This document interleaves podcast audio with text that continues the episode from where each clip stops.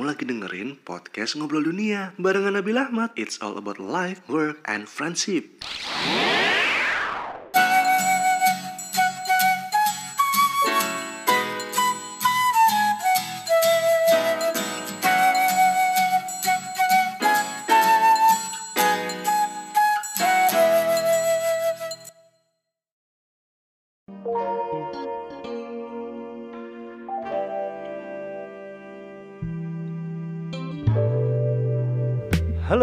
Halo? Balik lagi di podcast Ngobrol Dunia. Barengan gue Nabil Ahmad Dan ya kembali lagi di podcast ini ya. Di mana gue seneng banget uh, Karena gue take untuk episode kali ini Ini for the first time gue take podcast tuh di rumah gitu ya. Ya gue lagi di rumah coy. Karena kalau sebelumnya kan gue di Jakarta Dan sekarang gue bener-bener di rumah di kampung Di kampung halaman. Nah sebenarnya gue banyak kekhawatiran ketika pulang gitu kan. Karena uh, apa ya? Ya seperti yang kita tahu lah kita beberapa bulan ketahan di Jakarta nggak bisa ke mana-mana gitu kan karena juga khawatir di perjalanan bakalan seperti apa gitu. Dan akhirnya kemarin itu gue memutuskan untuk pulang naik bus. Karena kalau gue naik transport yang lain selain mungkin agak ribet secara rules uh, kalau ke Madura itu kan lu harus gonta-ganti transport lagi gitu loh. Nah akhirnya kalau gue naik bus, gue cukup naik dari terminal di Jakarta dan langsung turun di terminal di kota gue gitu loh. Jadi gue berangkat jam berapa ya kemarin ya sekitar jam 12 gitu. Sebenarnya di jadwalnya jam 11-an, cuma kayak jam 12 setengah satu deh baru jalan. Kemudian gue, ya itu siang ya, dan gue baru nyampe di Sumeneb itu sekitar jam 3 pagi dan mood gue tuh worth it loh ya. Karena mood gue Jakarta Madura itu nggak deket. Dan gue Madura itu Madura pojok loh. Madura yang memang benar-benar di ujung gitu. Kabupaten paling ujung. Kan ada empat kabupaten ya di Madura. Nah dan jam tiga udah nyampe. Sumeneb itu mood gue uh, worth it aja. Gue nggak perlu berlama-lama gitu. Dan nggak perlu gonta-ganti kendaraan. Dan ya yang paling penting adalah gue nggak terlalu banyak bersinggungan dengan banyak orang. Gitu. Dan pulang deh. Dan sampai di rumah ya ya isolasi mandiri kemudian ya bebersih segala macam dan FYI untuk di kampung gue sendiri sebenarnya uh, itu zona hijau gitu ya. Nah seperti yang lo baca di judul podcast kali ini ya teman-teman gue balik lagi untuk uh, sharing dan kali ini kayak gue akan ngebawa lo untuk cerita ngalur ngidul uh, ini konteksnya gue sebenarnya pengen cerita banyak tentang banyak perspektif. Di sini yang gue maksud adalah perspektif tentang bahwa kita nggak akan selamanya dengan sebuah lingkungan yang sama, dengan orang yang sama gitu. Dan kalau ibaratnya hidup kita ini adalah sebuah journey dan sebuah timeline yang akan ada mulai dan akan ada akhir gitu ya. Pastinya kita akan terus bertumbuh dan bertemu dengan orang baru. Dan akan berpisah dengan orang lama. Dan bertemu kembali dengan orang baru gitu. Atau bertemu lagi dengan orang lama. Seperti itu aja terus. Di sini gue pengen coba cerita tentang konteks uh, secara personal gitu ya. Di kehidupan pribadi gue tentang people come and go. Kemudian uh, yang lebih mengerucut lagi itu sebenarnya gue pengen cerita tentang uh, ini buat kalian yang mungkin kepikiran untuk membangun sebuah organisasi, ngebangun sebuah komunitas atau ngebangun sebuah perusahaan barangkali ya. Uh, kita tidak akan lepas dari hal itu. Di mana kita akan selalu ada yang namanya momen ditinggalkan ini bukan tentang relationship yang ditinggalkan atau meninggalkan, tapi kita memang akan selalu bertemu dengan memilih antara meninggalkan atau ditinggalkan. Gue mungkin akan mulai dari personal gue dulu kali ya. Biasa, kalau di podcast sukanya banyak curhat ya. Guys, sorry ya kalau mungkin lo terbiasa dengerin podcast gue dan lo tahu gitu, gue selalu cerita dari perspektif gue di mana ini bukan hoax atau gue mengada-ada gitu tapi ini based on my experience. Jadi gue ngerasa kayak gini ada momen di mana gue itu so feeling lonely feeling uh, kayak kayak sedih banget gitu kan momen-momen ketika kita ditinggalkan atau harus meninggalkan orang-orang yang mungkin kita sayang, mungkin kita butuh, mungkin kita pengen dia ada di sebelah kita gitu loh. Nah, secara umur gue udah 30 tahun, pasti akan selalu ada momen seperti itu. Kalau bisa dibilang kehilangan terbesar dalam hidup gue, salah satunya itu adalah uh, bapak ya. Bapak gue udah ya udah meninggal di 2011 yang lalu gitu kan. Nah, artinya memang kehilangan itu sesuatu yang tidak terhindarkan. Sesuatu yang pasti kita temukan dalam hidup kita. Atau mungkin ketika kita sedang menjalankan sebuah hubungan, tidak menutup kemungkinan kita juga akan kehilangan seorang gitu ya. Dalam pertemanan, kita juga akan ada momen kehilangan ditinggalkan atau meninggalkan gue ngerasa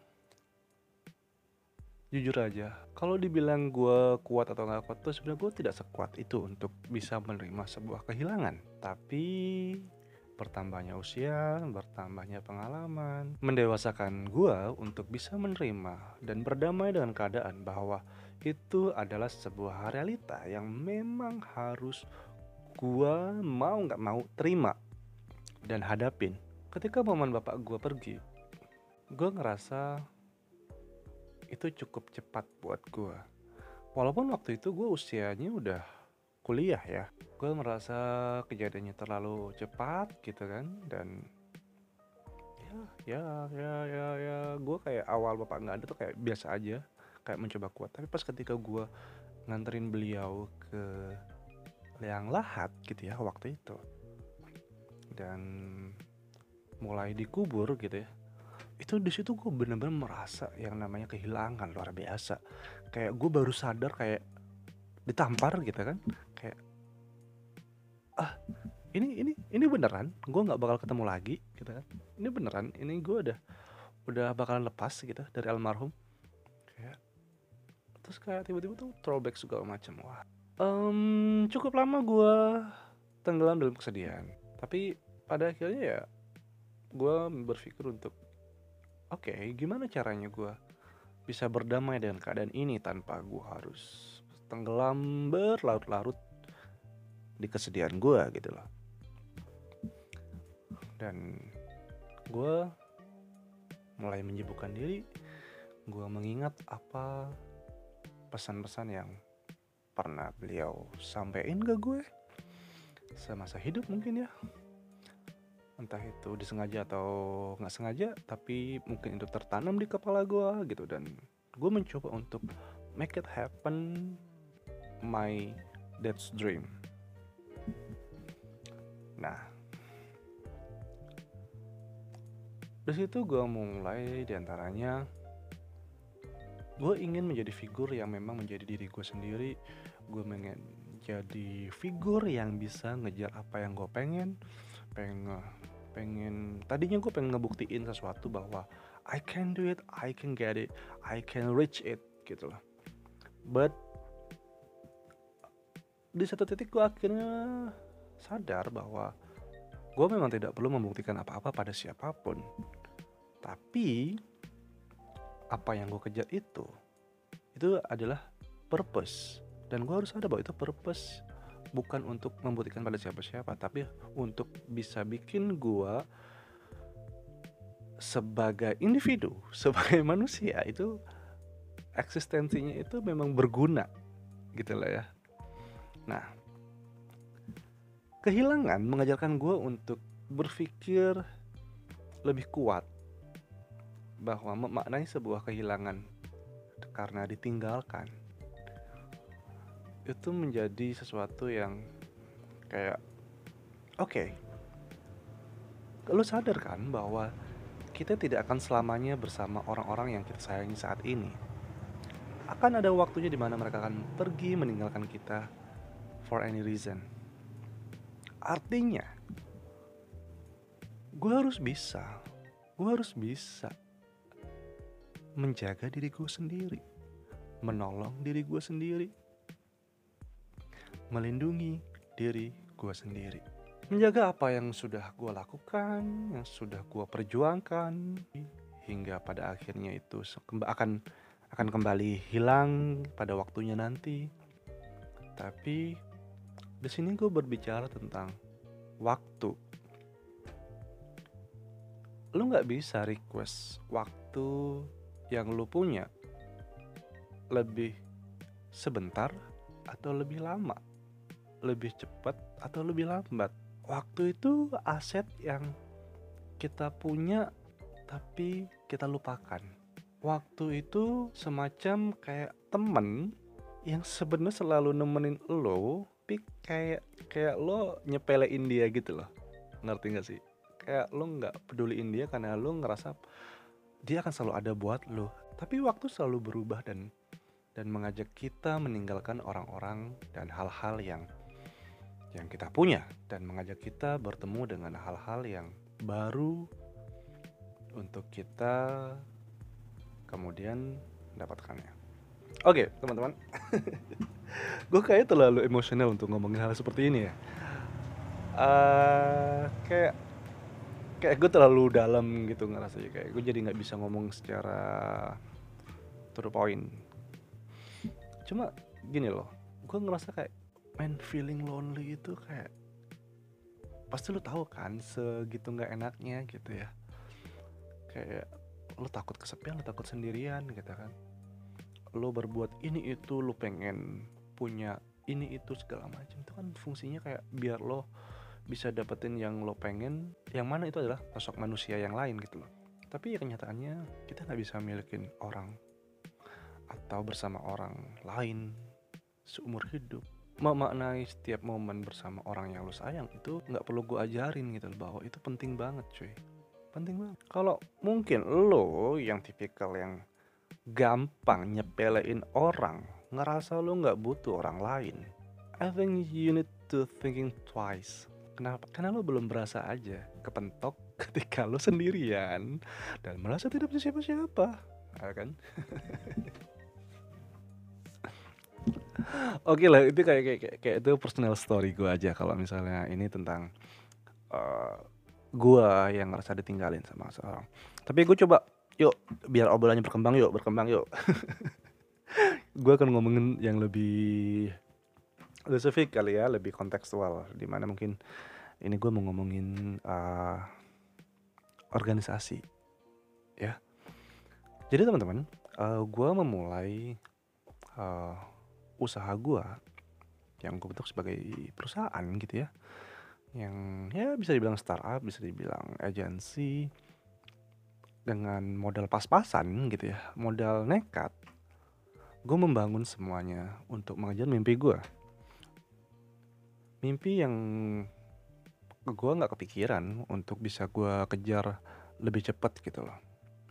Bisa gue jalanin di waktu yang lebih cepat karena karena modal nekat dan pas-pasan tadi gitu. Gue harus lebih struggling untuk bisa survive ngejalaninnya. Salah satu aset ketika lo menjalankan sebuah roda organisasi organisasi itu konteksnya luas ya teman-teman. Bisa perusahaan bisa komunitas bisa organisasi sosial atau apa pun itu gitu ya. Uh, lo modalnya adalah aset berupa human, berupa manusia. Dan gue sangat-sangat sadar bahwa gue tidak akan ada di titik ini selain karena gue selain karena diri gue sendiri. Pastinya karena ada orang-orang yang memang membantu gue dari masa awal sampai ke titik sekarang. Gitu loh. Tapi apakah orang yang membantu gue di masa awal dan ke titik sekarang adalah orang yang sama?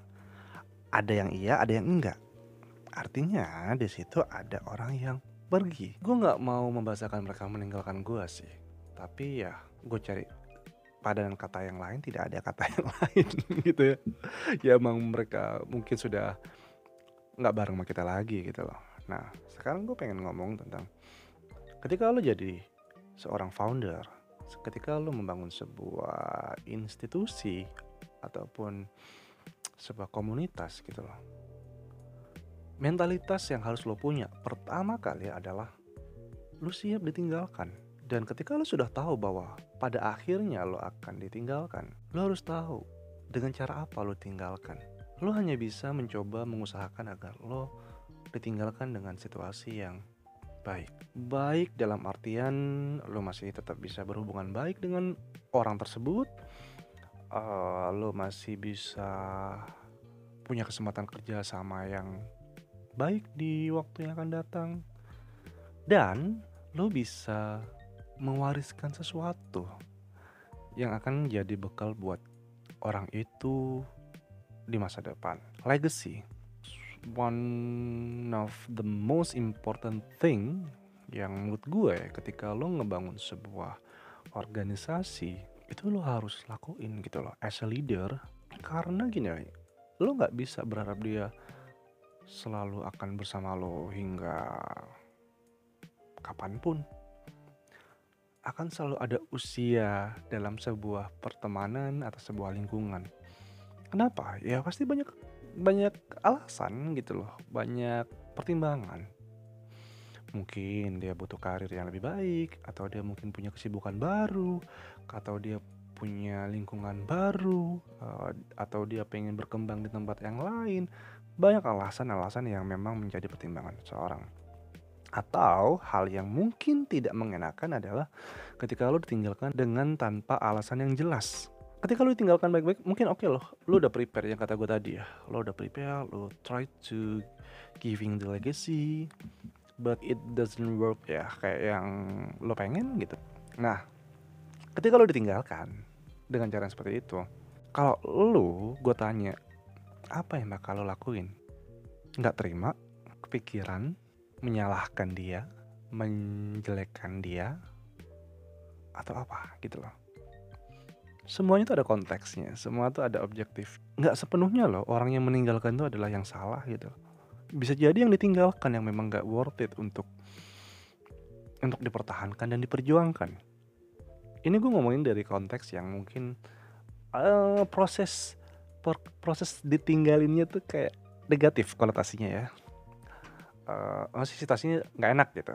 Gue punya pengalaman di apa yang gue perjuangkan ini. Gue udah berapa kali di, di ya people come and go di dalam organisasi gue tuh kayaknya udah udah untuk yang kesekian kali gitu loh.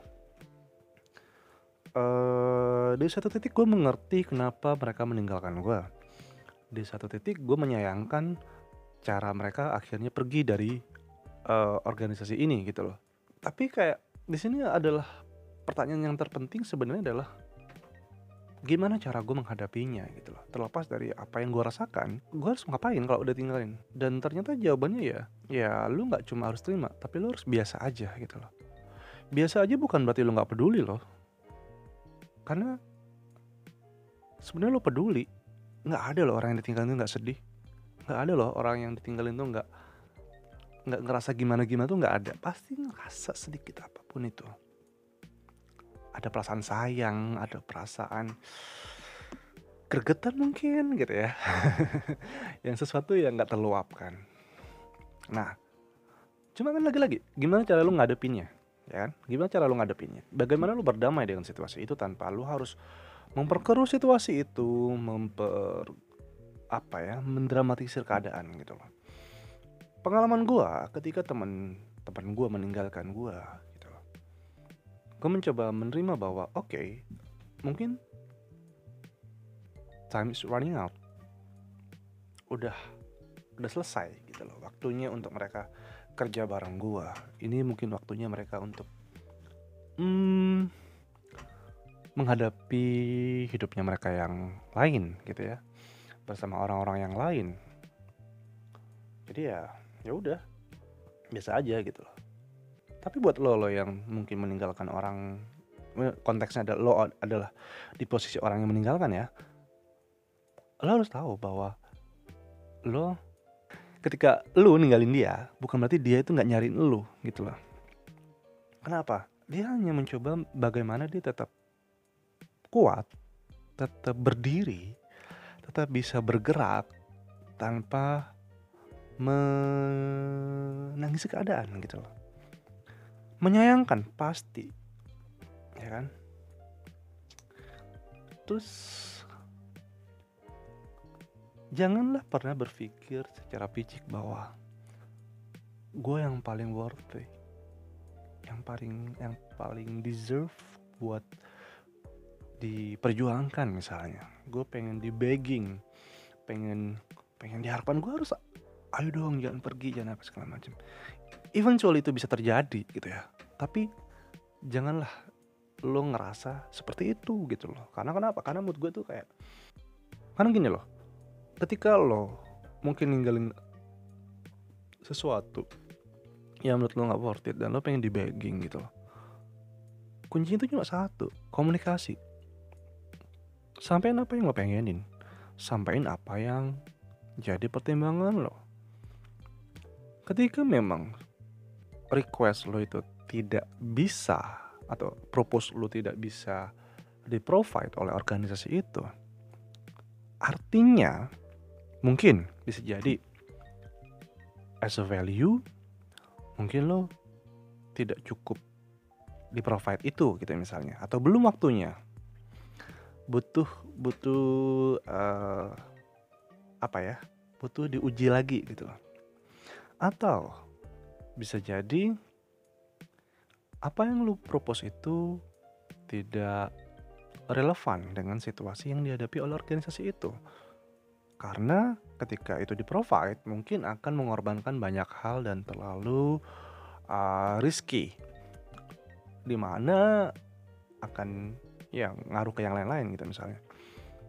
Dan ketiga posisi lo itu masih possible untuk digantikan orang lain.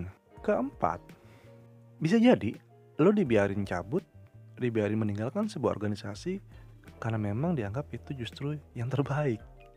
Terbaik konteksnya adalah bukan karena gimana-gimana tapi emang kalian sudah tidak sefrekuensi mungkin sudah tidak cukup menguntungkan untuk sebuah organisasi itu atau perusahaan ini justru mungkin tidak menguntungkan lo dan dan ya udah karena beda frekuensi ya mendingan jalan sendiri-sendiri gitu loh pilih jalan masing-masing nah menurut gue itu hal yang perlu dipertimbangkan bahwa jangan selalu membuat oke okay, I know you are deserve for everything but ketika ngomongin konteksnya uh, leave it or take it itu beda hal ya sebenarnya teman-teman banyak gitu yang gue temuin gitu orang yang meninggalkan, memutuskan untuk meninggalkan.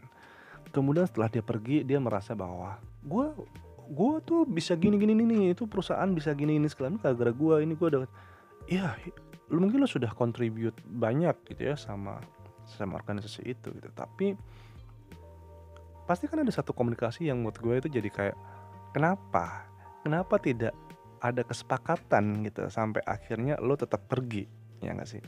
Dan kedua, karena lo memang sudah memutuskan untuk pergi. Ketika lo sudah memutuskan untuk pergi, biasanya organisasi akan berpikir bahwa lo sudah nggak naruh sepenuh hati di sini. Cara lo memperhitungkan value lo di situ sudah beda dengan apa yang ada di perusahaan misalnya. Gitu sih sebenarnya. Jadi kayak kayak banyak aspek ya yang harus lo pikirin gitu loh sebelum lo cabut ke mana dan ya jadi lo nggak perlu lah banyak banyak argue tentang bahwa you are the best. I know you are deserve, but it doesn't mean you are the best gitu loh maksud gue.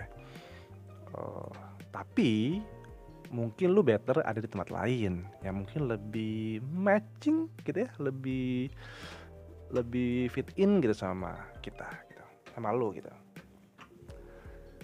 Nah, gue kemarin ngobrol sama teman gue yang dia seorang founder dari sebuah komunitas gitu kan dia pusing gitu ketika timnya mulai mulai brodol brodol apa ya? Mulai berguguran gitu satu-satu. Udah mulai cabut mulai nggak aktif mulai pasif. Ketika lo hidup di dunia komunitas di dunia organisasi itu lagi-lagi sesuatu yang tidak terhindarkan. Karena kenapa? Karena biasanya di organisasi atau komunitas itu adalah bentuknya kan uh, volunteering Nah, namanya volunteering, orang merelakan dirinya untuk berkontribusi karena dia punya sesuatu eh punya waktu luang dan punya energi lebih untuk disalurkan, ya kan. Nah, ketika dia mulai tidak aktif, bisa jadi dia ngerasa energi yang, energi yang disalurkan itu tidak worth it. Kedua, dia tidak punya waktu. Tidak punya waktu bukan karena dia super sibuk, bisa jadi karena dia tidak bisa memanage waktunya. Dan karena waktu itu berharga, jadi waktu tidak bisa. Mungkin dia ngerasa tidak cukup worth it untuk meluangkan waktu ke hal itu gitu lagi me- meluangkan waktu ke hal itu lagi gitu loh. Nah, kayak gitu-gitu sih sebenarnya. Eh, terus sebagai founder, sebagai pengurus misalnya, lo harus menyikapinya gimana? Satu, lo nggak bisa ngebandingin eh, diri lo dengan member atau tim lo yang yang nggak aktif itu gitu loh. Kalau menurut gue sih pilihannya adalah lepasin aja, lepasin aja. Karena eh, kalau lu sudah mengkomunikasikan ken, eh, kenapa di- dia nggak aktif atau lu mencoba untuk jemput dia kenapa kenapa kenapa segala macam dan lu nggak dapetin jawaban yang make sense, lu lepasin. Jangan pernah eh begging dia karena menurut gue itu statement, itu attitude bahwa kita ada di tempat ini di wadah yang sama karena mungkin kita punya visi yang sama dan kita mau fight bareng gitu loh. Tapi ketika memang itu sudah nggak jadi sesuatu yang bisa dipertimbangkan, lepasin aja. Ini sama aja kayak case yang gue bilang tadi bahwa posisinya bisa digantikan orang lain gitu loh. Mungkin akan sedikit merusak sistem yang sudah kita bangun. Nah ini dia masalah sistem. Sistem itu kayak kayak kadang-kadang tuh bergantung banget sama human gitu loh. Tapi menurut gue sih enggak gitu loh sebenarnya. Ketika lo punya sistem, sistem lo harus jelas, sistem itu harus berjalan tanpa human pun akan berjalan. Dan lo harus memikirkan itu gimana caranya ini bisa uh, bisa di backup oleh orang-orang yang lain, oleh tim yang lain misalnya atau gimana caranya ini bisa berjalan dengan sendirinya tanpa harus uh, directly supervisi gitu ya. Lo harus pikirin itu, gimana caranya apa yang sudah kalian bangun sekian waktu ya, mungkin dari uh, project-projectnya, kemudian program-program yang lo bikin, kemudian uh, apa uh, work apa budaya kerjanya sudah sudah terbangun gitu loh. Nah, lu jangan sampai, jangan sampai ketika lu ditinggal satu orang, dua orang, lu ngerasa wah goyah nih, goyah segala macam. Nah, biasanya menurut gue itu adalah yang salah di uh, penerapan eksekusinya kita biasanya terlalu bergantung sama satu dua orang tersebut yang menjadi spesialis seolah-olah. Gak ada yang salah menjadikan orang untuk dia menjadi spesialis di bidang itu atau di part itu atau identik dengan hal itu gitu loh. Karena itu bagian dari legacy yang gue bilang tadi gitu. Tapi akan ada momen di mana lo akan pincang.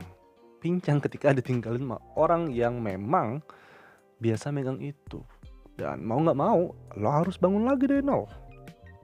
Ketika tidak ada orang yang existing itu bisa ngegantiin posisi itu. Nah ini PR-nya ini PR-nya gimana caranya kita bisa ngebuat sistem bahwa people come and go it's okay. But system sistem yang udah lo build sedemikian rupa itu bisa sustain and grow ya bisa growing up gitu loh. Artinya siapa pun yang mengisi posisi itu kalian akan tetap berjalan menuju ke purpose yang kalian mau. Tetap mengeksekusi dengan baik. Kalau technical skill menurut gue itu bisa dipelajari. Dan itu yang menurut gue nggak perlu ditakutin. Um, gue belajar dari banyak banyak banyak senior senior yang mungkin lebih dulu terjun di organisasi ataupun uh, bisnis gitu ya. Momen yang paling tidak terhindarkan ya memang momen ditinggalkan gitu loh. Bahkan mungkin ketika lo sudah perusahaan yang udah mungkin ya udah umur beberapa tahun gitu berjalan mungkin lo bisa tanya gitu coba ada berapa orang dari karyawan lamanya yang masih stay dan gue yakin itu cuma hitungan jari gitu loh. Karena kenapa? Ya kan nggak semua orang bisa survive dengan situasi kita. Nggak semua orang bisa sanggup untuk bertumbuh dan berjuang bareng gitu loh. Semua orang punya apa ya planning hidupnya masing-masing gitu loh. Dan situasinya juga tadi ya nggak selalu menguntungkan dan nggak selalu matching dan fit in dengan situasi internal perusahaan kita atau organisasi kita. Jadi ya please ketika jadi jadi leader jangan baper untuk masalah itu. Sedih wajar loh sedih itu wajar banget. Tapi kecuali lo nggak sedih sama sekali gitu ya kita kan berhubungan baik gitu kan. Pernah kerja bareng. Ya itu konteksnya kerja loh konteksnya profesional aja gitu loh. Konteksnya as a team gitu loh tapi as a friend it's different thing buat gue. Itu hal yang beda. Beda banget. Pertemanan itu pertemanan. Lo harus menjaga tetap tetap biasa aja gitu loh. Dalam artian memang no hard feeling. No hard feeling ya. Lu gimana caranya bisa tetap berhubungan baik berkomunikasi baik gitu loh. Dan ya selayaknya lo punya teman yang sebelumnya. Artinya mungkin lo kalau ada ini kan beberapa case yang memang mungkin uh, sebelumnya kalian berteman kemudian kalian kebetulan di sebuah organisasi yang sama bekerja bareng gitu kan. Kemudian kalian pecah kongsi dan nggak sefrekuensi lagi dan akhirnya jadi nggak berhubungan baik gitu loh. Nah tapi memang gue nggak bisa ngomong oh, Bill tapi kan nggak se semuanya seideal itu. Iya tentu saja tidak seideal itu gitu loh. Pasti tidak seideal itu kakak. Karena gue nyaksiin sendiri gimana orang beda kongsi itu akhirnya memang ya musuhan di level profesional sekalipun di level orang yang biasa ngasih seminar motivasi atau biasa ngasih uh, seminar leadership sekalipun belum tentu dia bisa selalu dalam keadaan yang ideal ketika bertemu dengan situasi ditinggalkan dan meninggalkan. Karena lagi-lagi, walaupun kita tahu masalahnya komunikasi gitu. Nah, that's why experience bikin kita belajar banyak. Dan ketika kita sudah belajar, ya, ya diterapin dong kakak, jangan cuma dipahamin secara teori gitu loh dan itu yang gue pribadi gue pribadi tuh jadi belajar gimana caranya gue bisa menerapkan itu artinya tuh kayak ngontrol emosi ngontrol uh, apa namanya ngontrol pikiran kita gitu.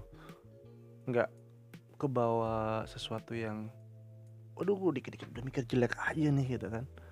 Kayak wah gue nggak bisa nih sama dia. Aduh gue kesel banget sama dia gitu kan. Nggak nggak nggak nggak. Gue gue mencoba untuk uh, fokus kepada objektifnya. Itu penting menurut gue objektifnya fokus oke okay, lu tidak sefrekuensi kenapa apa yang jadi masalahnya ya kan dengan cara apa cara yang gimana lo harus memutuskan uh, kerjasama ini gitu udah lu omongin kah? Gitu. Once nanti akhirnya sudah diomongin dan memang ternyata tidak bisa sejalan lagi, ya udah bisa baik-baik. Mungkin di awal-awal pasti akan ada awkward, akan ada rasa kekesalan. Normal ya buat gue, normal gitu. Tapi untuk seberapa lamanya kembali ke lo. ya, kembali ke kita gitu. Kita mau mau menyikapinya seperti apa? kenapa gue ngomongin people Kamenko gitu karena ya iyalah gue ngalamin gue waktu gue jadi karyawan gue gimana waktu resign gitu ya gue ninggalin perusahaan yang lama terus gimana gimana setiap perusahaan yang gue tinggalin itu nge-treat gue after uh, gue resign. Dan setelah gue ngebangun uh, bisnis gue ini dan gue ngerasain gimana ketika gue di posisi yang ditinggalkan gitu. Atau mungkin yang lebih netral gue uh, sebagai karyawan gue ditinggalkan oleh teman setim gue gitu ya jadi orang lain yang pergi ninggalin kita nah jadi kan tuh something yang nggak bisa kita kendalikan itu kembali lagi ke situasi yang oh, yang ada gitu loh yang memang mengharuskan seperti itu dan percayalah gitu, ya, semuanya akan kembali normal. Ada ataupun tiada. Ketika kita sudah bisa menerima keadaan, bisa mengikut. Ya, gue jarang ngomong bahasa ikhlas, tapi mungkin uh, ya kita kita sudah bisa mengikhlaskan merelakan dan ya back to normal back to reality bahwa yuk move on yuk move on yuk kayak gitu